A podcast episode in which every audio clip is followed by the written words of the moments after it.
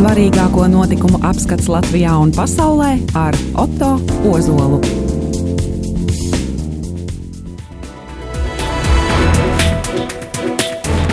Labdien, cienījamie radiokamā arī klausītāji! Ar kārtējo mēnešu svarīgāko notikumu apskatu studijā atkal es, Oto Ozols. Atgādinu, ka šo apskatu esmu rādījumā arī Viļņos katra mēneša pirmajā pirmdienā, pulkstens piecos pēcpusdienā. Šoreiz stāstīšu par sekojošiem notikumiem. Protams, par skaļo advokātu un maksātnespējas administratoru Mārtiņa Bunkus slepkavību pirms nepilnas nedēļas. Tāpat runāšu arī par jaunākiem demogrāfijas datiem. Turpinās vai neturpinās Latvijas izmiršanu. Vēlēšanām tuvojoties, palielinās arī politiķu staigāšana no partijas uz partiju, kas ir jaunākie, redzamākie gadījumi. Vienotība, kas sev pārdevēs par jauno vienotību, nosaukusi savus vēlēšanu saraksta līderus. Vai tie patiešām būs jaunie? Bet kā tai pašai vienotībai un citiem Latvijas politiķiem sokās ar mūsu valsts interešu aizstāvību Eiropas parlamentā? Kāds mūsu eirodeputāts paziņoja, ka tur ir vismaz, ticiet vai necitiet, 115 muļķi. Kāpēc tā? Ieņēmuma dienestam gaidāms jauns priekšnieks. Kas viņš ir? Pieskaršos arī jaunākajiem notikumiem pasaulē. Spānijā un Katalonijā jaunas valdības, vai tas nesīs izlīgumu starp brāļu tautām. Lielbritānija sāk uzpētīt Krievijas bagātnieku naudas izcelsmes, kas līdz šim milzīgās miljardu masās bija plūdus no Krievijas uz Londonu, un kā sogās ar gaidāmo vēsturisko Ziemeļkorejas un ASV vadītāju tikšanos. Noslēgumā runāšu par bērnu drošību satiksmē un pašu karstāko tematu, proti, laika apstākļiem. Ko zinātnieki mums sola nākotnē? Vai karstuma viļņi turpmāk būs regulāra parādība?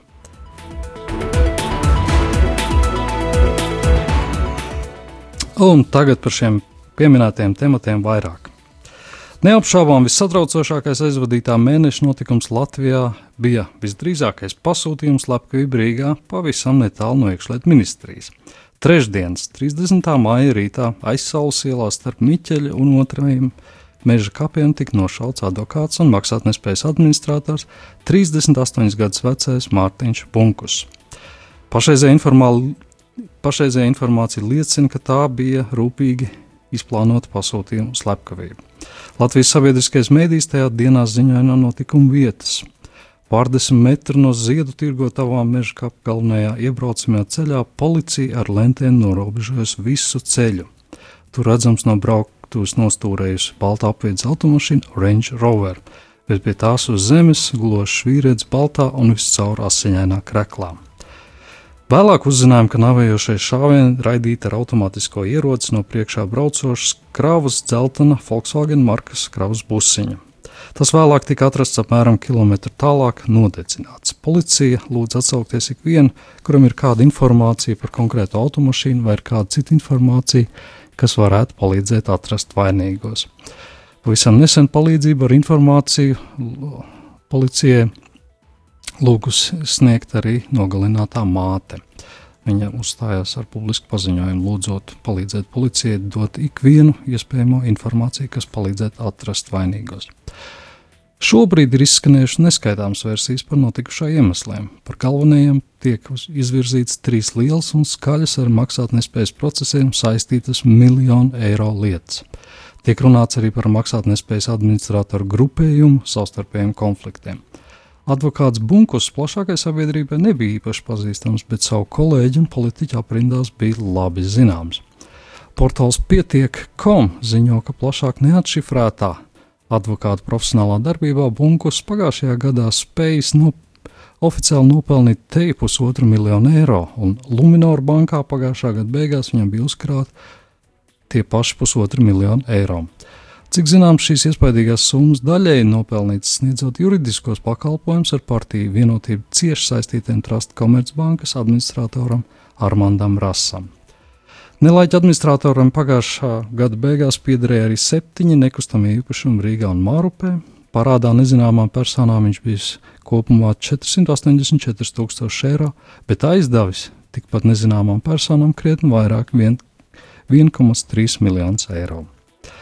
Daudz politiķu sašitumā runā par mežonīgo 90. gadu atgriešanos. bet neviens pats neuzņemās nekādu atbildību par to, ka situācija ir tik tālu nonākusi. Šobrīd publiskajā telpā vairāk virmo dažādas spekulācijas un versijas. Šādā situācijā ir ārkārtīgi jāuzmanās, lai nevilšu, nekļūtu par pārdomātu dezinformācijas baumu upuriem. Nav šaubu, ka dažādi politiskie spēki izmantos situāciju, lai ierieptu saviem konkurentiem. Tāpat ir iespējams, ka ar noziegam saistītās personas apzināti izplatīs dezinformāciju, lai tīši maldinātu sabiedrību.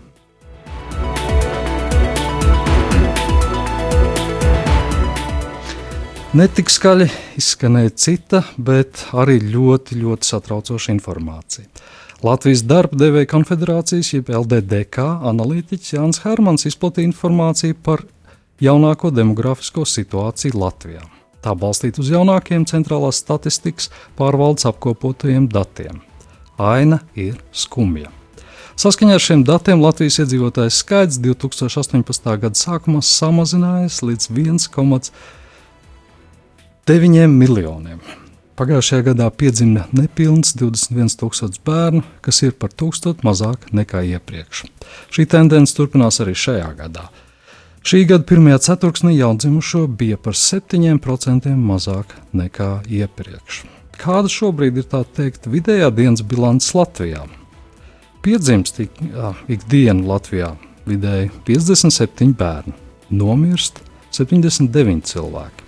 Tātad mirušo skaits ikdienas Latvijā pārsniedz jaundzimušo par 22 cilvēkiem.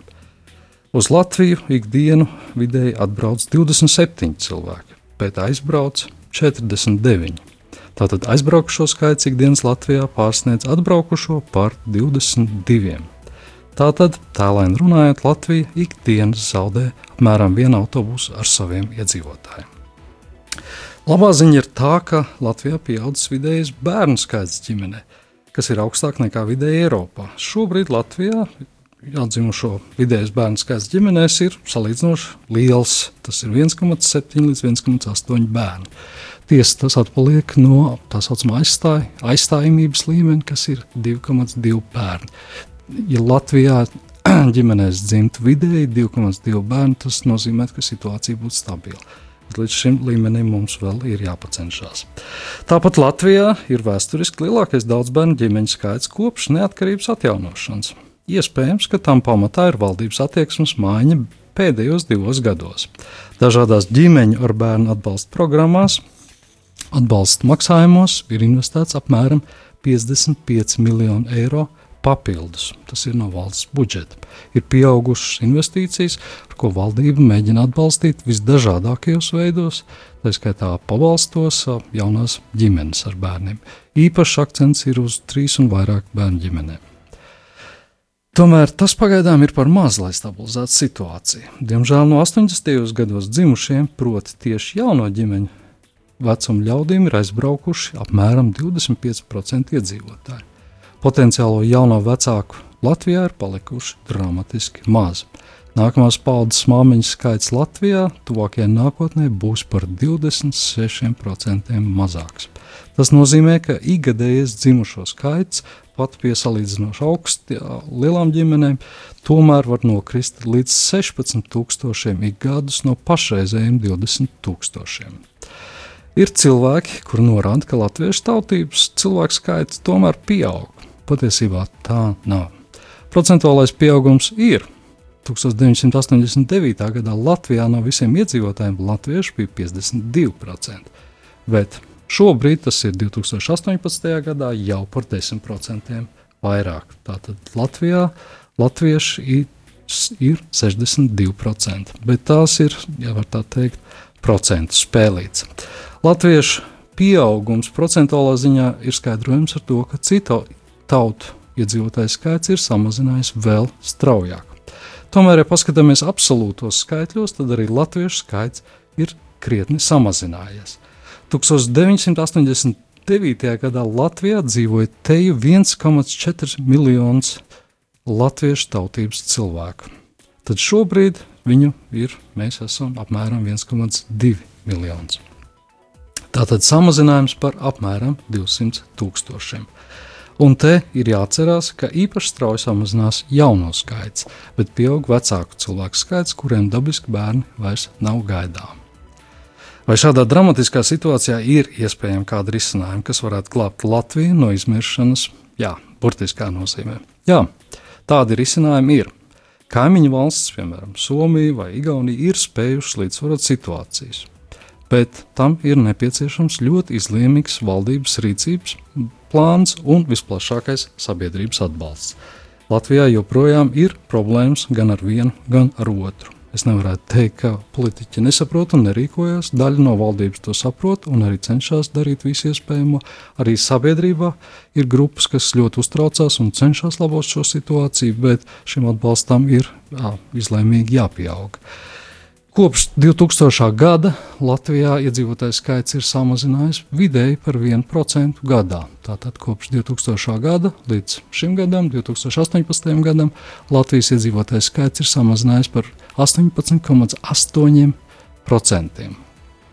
Ja šogad mēs svinām Latvijas simts gadu, pēc 50 gadiem mēs svinēsim Latvijas 150 gadi. Ja iedzīvotāju skaits turpinās samazināties par 1%, tātad pēc 50 gadiem, kad Latvijā dzīvos mūsu bērni un mazbērni, iedzīvotāju skaits būs varētu būt samazinājies par 50%. Vai, vai tiešām mēs esam gatavi uz to noskatīties? Jo gal galā jaunie cilvēki ir tieši tie, kas nesīs tālāk mūsu kultūru, mūsu valodu, mūsu tradīcijas. Tādēļ šeit uh, Nepietiek ar to, ka atsevišķi politiķi vai atsevišķi sabiedriskās organizācijas ir uztraukšās. Mums visiem kopīgi ir jāvienojas, lai radītu Latviju par ģimenēm ar bērniem īpaši draudzīgu valsti.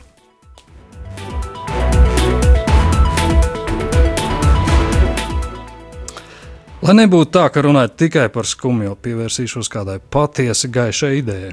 Par spīti nosaukumam, Baznīcas nakts Tā nu diena ir gaiša ziņa. 1. jūnijā visā Latvijā, no Rūjienas līdz Subatē, no Lūdzes līdz Nīcai, jau piekto gadu dievnam visā Latvijā vienojas garīgajā un kultūras notikumā Baznīcu nakts. Šoreiz pasākumā piedalījās 170 baznīcas visā Latvijā. Baznīcu nakts 2018. svinīga atklāšana notiks Svētās Marijas Magdalēnas baznīcā Rīgā. Baznīcas nakts atklāšanā īsa apsveikuma un novēlējuma vārdus teica Latvijas lielāko kristīgo konfesiju vadītāji un mācītāji. Romas katoļu baznīcas Rīgas arhibīskaps Metropolīts Zbigņevs Stankēvičs, Latvijas evaņģēliskās luteriskās baznīcas arhibīskaps Jānis Vanaks, Latvijas Baptistu draugu savienības jaunais biskups Kaspars Sterns, Latvijas apvienotās metodistu baznīcas Rīgas pirmās metodistu draugas mācītāja Astra Danenfelte, 7. dienas adventistu mācītājs Andrejs Āriņš, Svētā Pestītāja Anglikāņu baznīcas mācītāja Jāna Jērama Grīnberga. Tas vēlreiz apliecina Romas pāvesta teikto, ka Latvija ir lielisks piemērs ekumeniskai sadarbībai un kristiešu sadraudzībai. Baznīcas nakts programma bija radoša, muzikāla un sirsnīga.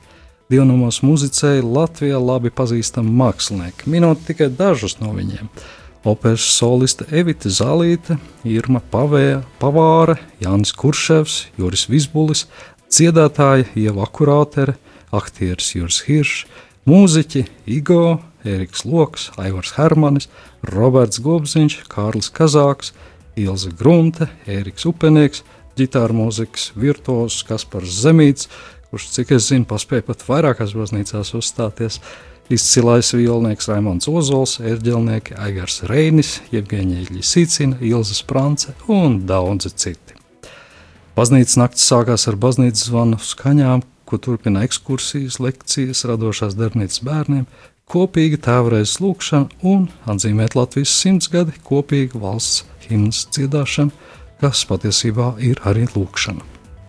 Kā jau katru dienu, arī šogad viens no aktīviem šī notikuma organizatoriem bija mūziķis un politiķis Jurģis Klotiņš. Atgādinu, ka baznīcas nakts ir viens no skaistākajiem evanģelizācijas pasākumiem. Tā baznīcās iespējams pirmoreiz ienāks simti pat tūkstoši cilvēki, kuri iepriekš to nav darījuši. Daudziem tas ir ceļš uz atgriešanos. Mums ir jābūt ļoti pateicīgi ikvienam, kurš piedalījās un atbalstīja šo svētīgo pasākumu baznīcu nakti.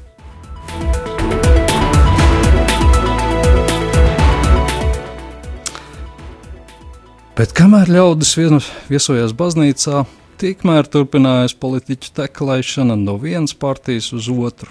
Jaunākais, skaļākais piemērs ir vienotības eirodeputāta Arta Pabrika paziņojums par pievienošanos jaundibinātajai apvienībai attīstībai par.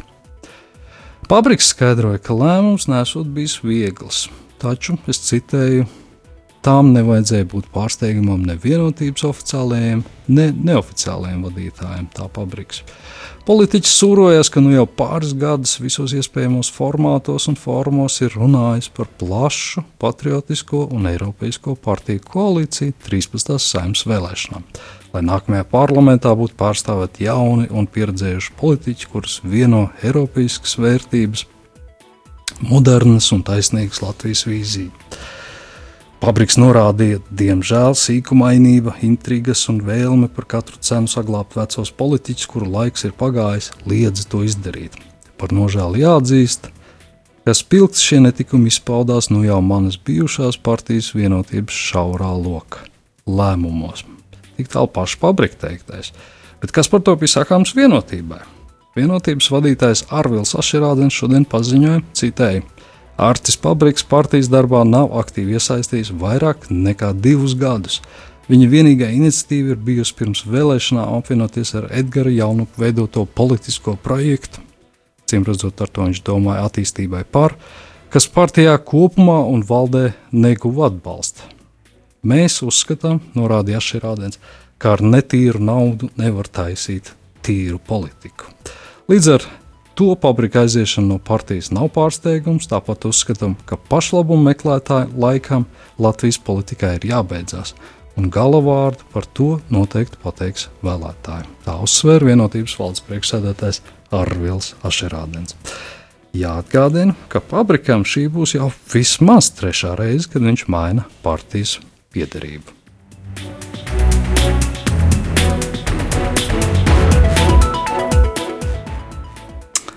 Jautājums, ar ko tieši Pabriks nodarbojas Eiropas parlamentā, ir patiešām būtisks.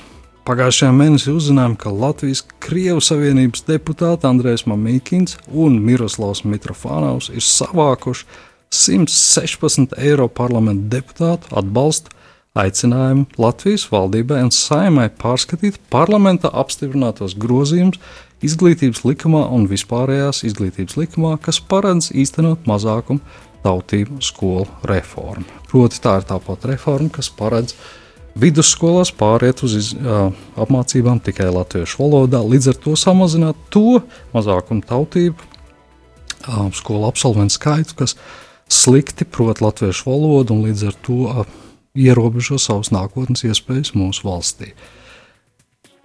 Minētie deputāti, acīm redzot, gribēja novērst šādu iespēju, neļaut šiem bērniem pilnvērtīgi iekļauties mūsu sabiedrībā. Vienotības e eirodeputāts Krišāns Kāriņš norādīja, ka tas nozīmē, ka Eiropas parlamentā ir vismaz 116 muļķi. Viņuprāt, iegūtais 116 eiro parlamenta deputāta atbalsts Krievijas skolu reformas jautājumā ir nenozīmīgi mazs troksnis, kā nav jāpievērš uzmanība. Atgādina, kopumā Eiropas parlamentā ir 751 deputāts. Tā tad sanāk, pēc kāriņa teiktā, ka muļķis ir te vai katrs septītais deputāts. Toties man ir zināms, ka šie deputāti ir bijuši mērķiecīgi maldināti, un tas varēja notikt tikai tādēļ, ka, Lat ka valdības Eiropas deputāti nav bijuši pietiekami aktīvi, lai novērstu šādu masveidīgu maldinošu akciju pret Latvijas valsts iecerētajām republikām reformām. Tas ir jautājums par to, ko gan Krišāns Kariņš un Arts Pabriks ir darījis Eiropas parlamentā, lai šie cilvēki, šie 116 cilvēki, nebūtu vesti maldināšanā un, es gribētu teikt, zināmā mērā arī apmuļķot. Daļa no viņiem man teica, ka viņi esat parakstījuši šo dokumentu tādēļ, ka, ka Tatjana Ždanaka un Mamīkins pārstāvot visu Krievu minoritāti Latvijā. Jāatgādina, ka Tatjana Ždanoka nekādā gadījumā nevar pārstāvēt visus Krievus Latvijā. Pagājušajās Eiropas parlamenta vēlēšanās viņai guva knapi 1% atbalstu no vēlētājiem. Latvijā ir vismaz 25% krievu iedzīvotāji, krievalodīgo kopā skaitot ir aptuveni 35%. Ar 1 vai 2% atbalstu viņi nekādā gadījumā nevar pārstāvēt visus Latvijas krievus. Tas pats attiecās arī uz Mitrofānu.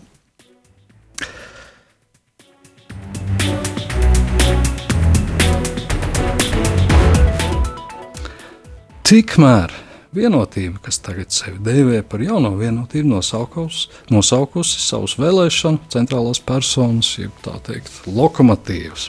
Saimnes vēlēšana saraksta līderis vidzemē būs vienotības parlamenta frakcijas priekšsēdētājs Hosams Abu Merī. Savukārt Rīgā ar pirmo numuru startēs ārlietu ministrs Edgars Rinkevičs.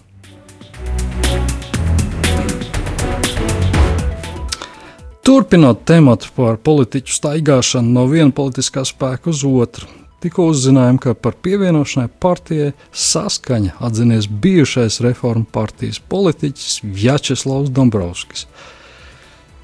Kādu laiku viņš bija pat izglītības ministrs. Saskaņas vadītājs Nils Ušakovs minēja, ka Vjačeslavs Dombrovskis varētu būt saskaņas premjera kandidāts. Te gan jāatgādina, ka pēdējā laikā Vjačeslavs Dombrovskis aktīvi darbojās nodibinājumā Certus, kura lielākais atbalstītājs ar te 300 tūkstošiem eiro bija ABLV banka.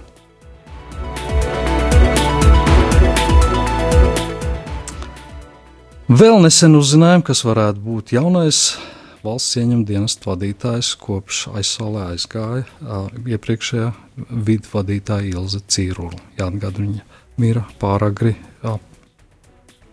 Te jau sasniegusi 50 gadu vecumu. Šobrīd izskatās, ka nākamais vidu vadītājs varētu būt finansists Māris Skuiņš. Skuiņš pēdējos 20 gadus ir bijis cieši saistīts ar finanšu sfēru, lai gan šobrīd, kā viņš pats norāda, ietur profesionālu pauzi, tas ir nekur nestrādā. Pērn viņš strādājis bankā Azerbaidžānā. Pirms tam viņš ieņēma LTV valdes locekļa amatu finanšu un tehnoloģiju jautājumos, kā arī strādājis banku sektorā Latvijā. Kā lieciņas kuģiņa LinkedIn, tas profesionālās amata pro, portāla profils, viņš no 2017. gada februāra līdz 2017. gada septembrim bija Access Bank Azerbaidžāna vecākais strateģiskais projektu un attīstības menedžers. Savukārt no 2013. gada aprīļa līdz 2016. gada aprīlim viņš bija Latvijas televīzijas valdes loceklis finanšu un tehnoloģiju jautājumos.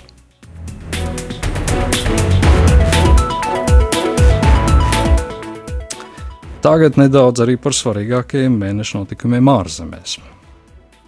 Politisko nesaskaņu pārņemtajā Spānijā sestdien, 2. jūnijā, notika divi politiski ļoti nozīmīgi un ir savstarpēji saistīti notikumi. No sākuma Madridē zvērestu nodeva jaunais premjerministrs, sociālists Pedro Sančes, kurš šim amatam tika izvirzīts vien pirms pāris dienām, kad neusticības balsojumā milzīgos korupcijas skandālos apvainotais Valdības vadītāja posteni zaudēja līdzšinējais premjerministrs Mariano Rahojs. Tāpat sestdien Barcelonā zvēres nodeva jaunizveidotā Katalonijas reģiona valdība ar prezidentu Kvimu Toru priekšgalā. Jāatgādina, ka iepriekšējais Katalonijas prezidents ir bijis spiests doties trimdā un šobrīd atrodas Vācijā. Jāsaka, ka Kvims Tors ir pārliecināts iepriekšējā prezidenta Karla Puigdemona atbalstītājs un saka, ka viņš vienkārši turpinās Puigdemona darbu Katalonijā, esot uz vietas. Viņš ir tikpat ne, pārliecināts neatkarības atbalstītājs kā Puigdemons. Katalonijas valdības apstiprināšana nozīmē to, ka automātiski tiek izbeigta pirms vairākiem mēnešiem ieviestā tiešā Madrides pārvalde par Kataloniju. Šāds notikuma pavērsiens jau līdz izskanēt minējumiem par to, ka attiecības starp Madridi un Barcelonu varētu, ja neuzlaboties, tad vismaz mainīties. Te gan jāsaka, ka jaunais Spānijas valdības vadītājs iepriekš izcēlies ar ļoti asiem un, es teiktu, neiecietīgiem izteikumiem par katalāņiem. Tādēļ viņi ir ļoti uzmanīgi un piesardzīgi. Atšķirībā no iepriekšējā premjera Rahoja, pašreizējais daudz labāk runā angliski un līdz ar to varēs vairāk skaidrot Spānijas pozīciju šajos svarīgajos jautājumos.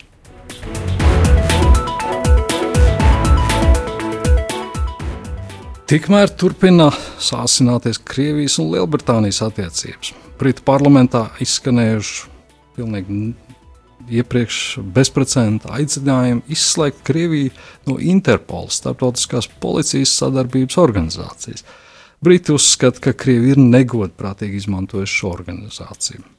Tāpat Lielbritānija nolems stingri pārbaudīt vismaz 115 Krievijas superbagātnieku naudas izcelsmi. Pēdējo vairāk kā 20 gadu laikā uz Londonu no Krievijas pārceļojuši burtiski miljardi um, eiro un sterliņu mārciņas, kas ir krievu bagātnieku nauda. Tagad Briti aizdomājušies, ka daļai, būt, daļai no šiem līdzekļiem varētu būt aizdomīga izcelsme. Ja tas tiks pierādīts, tad viņi iespējams šo naudu varētu arī pazaudēt. Mēs varam spēt iedomāties, kā šie cilvēki šobrīd tur jūtās.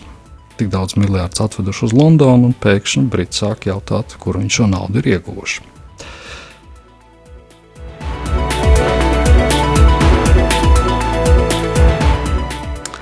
Jau pagājušā mēneša apskatā runāja, ka iespējams gaidām vēsturiskās Ziemeļkorejas un ASV vadītāju tikšanos. Pa šo mēnesi ik pa brīdim izskanēja ziņas, ka tā varētu arī nenotikt. Tomēr jaunākās ziņas liecina, ka Ziemeļkorejas diktators Kim Čenuns un ASV prezidents Donalds Trumps varētu tikties 12. jūnijā Singapūrā.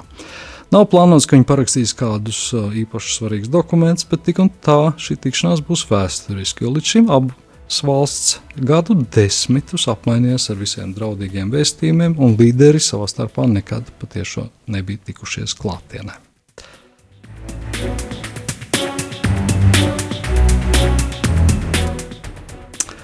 Bet nu atgriezīsimies Latvijā. Ir laiks pievērsties pašam karstākajam notikumam aizvadītajā mēnesī, burtiski pie laika apstākļiem. Šī gada maija bija desmitais sausākais un karstākais maija mēnesis gandrīz simts gadu laikā. Mēneša pēdējā mēneša pēdējā dienā tika uzstādīti jauni karstuma rekordi, gaisam iesilstot līdz pat 30,1 grādam. Tā vēst Latvijas vidas geoloģijas un meteoroloģijas centrs sauss laiks un zema lietus iespējamība būs arī jūnija sākumā.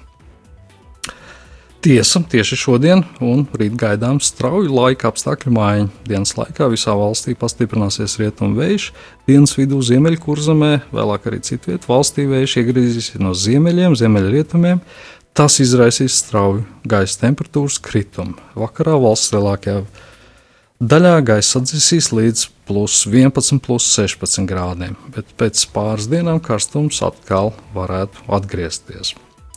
Dēļ globālajām klimata izmaiņām zinātnieki domā, ka turpmākās desmitgades laikā Ziemeļā-Eiropā, tātad arī Latvijai, ir paredzami karstuma viļņi vai arī, piemēram, plūdi. Viņas norāda, ka esot pēdējais brīdis sākt izstrādāt scenāriju, lai turpmāk novērstu šādas klimatiskās svārstības un mazinātu to izraisītās izmaksas. Bet vai kāds patiešām, es domāju, Latvijā sāks rīkoties, to mēs tikai redzēsim. Bet tikmēr karstumviļņi, kā mēs jutām, ir jau klāti, un acīm redzam, tā būs ierasta parādība arī nākotnē.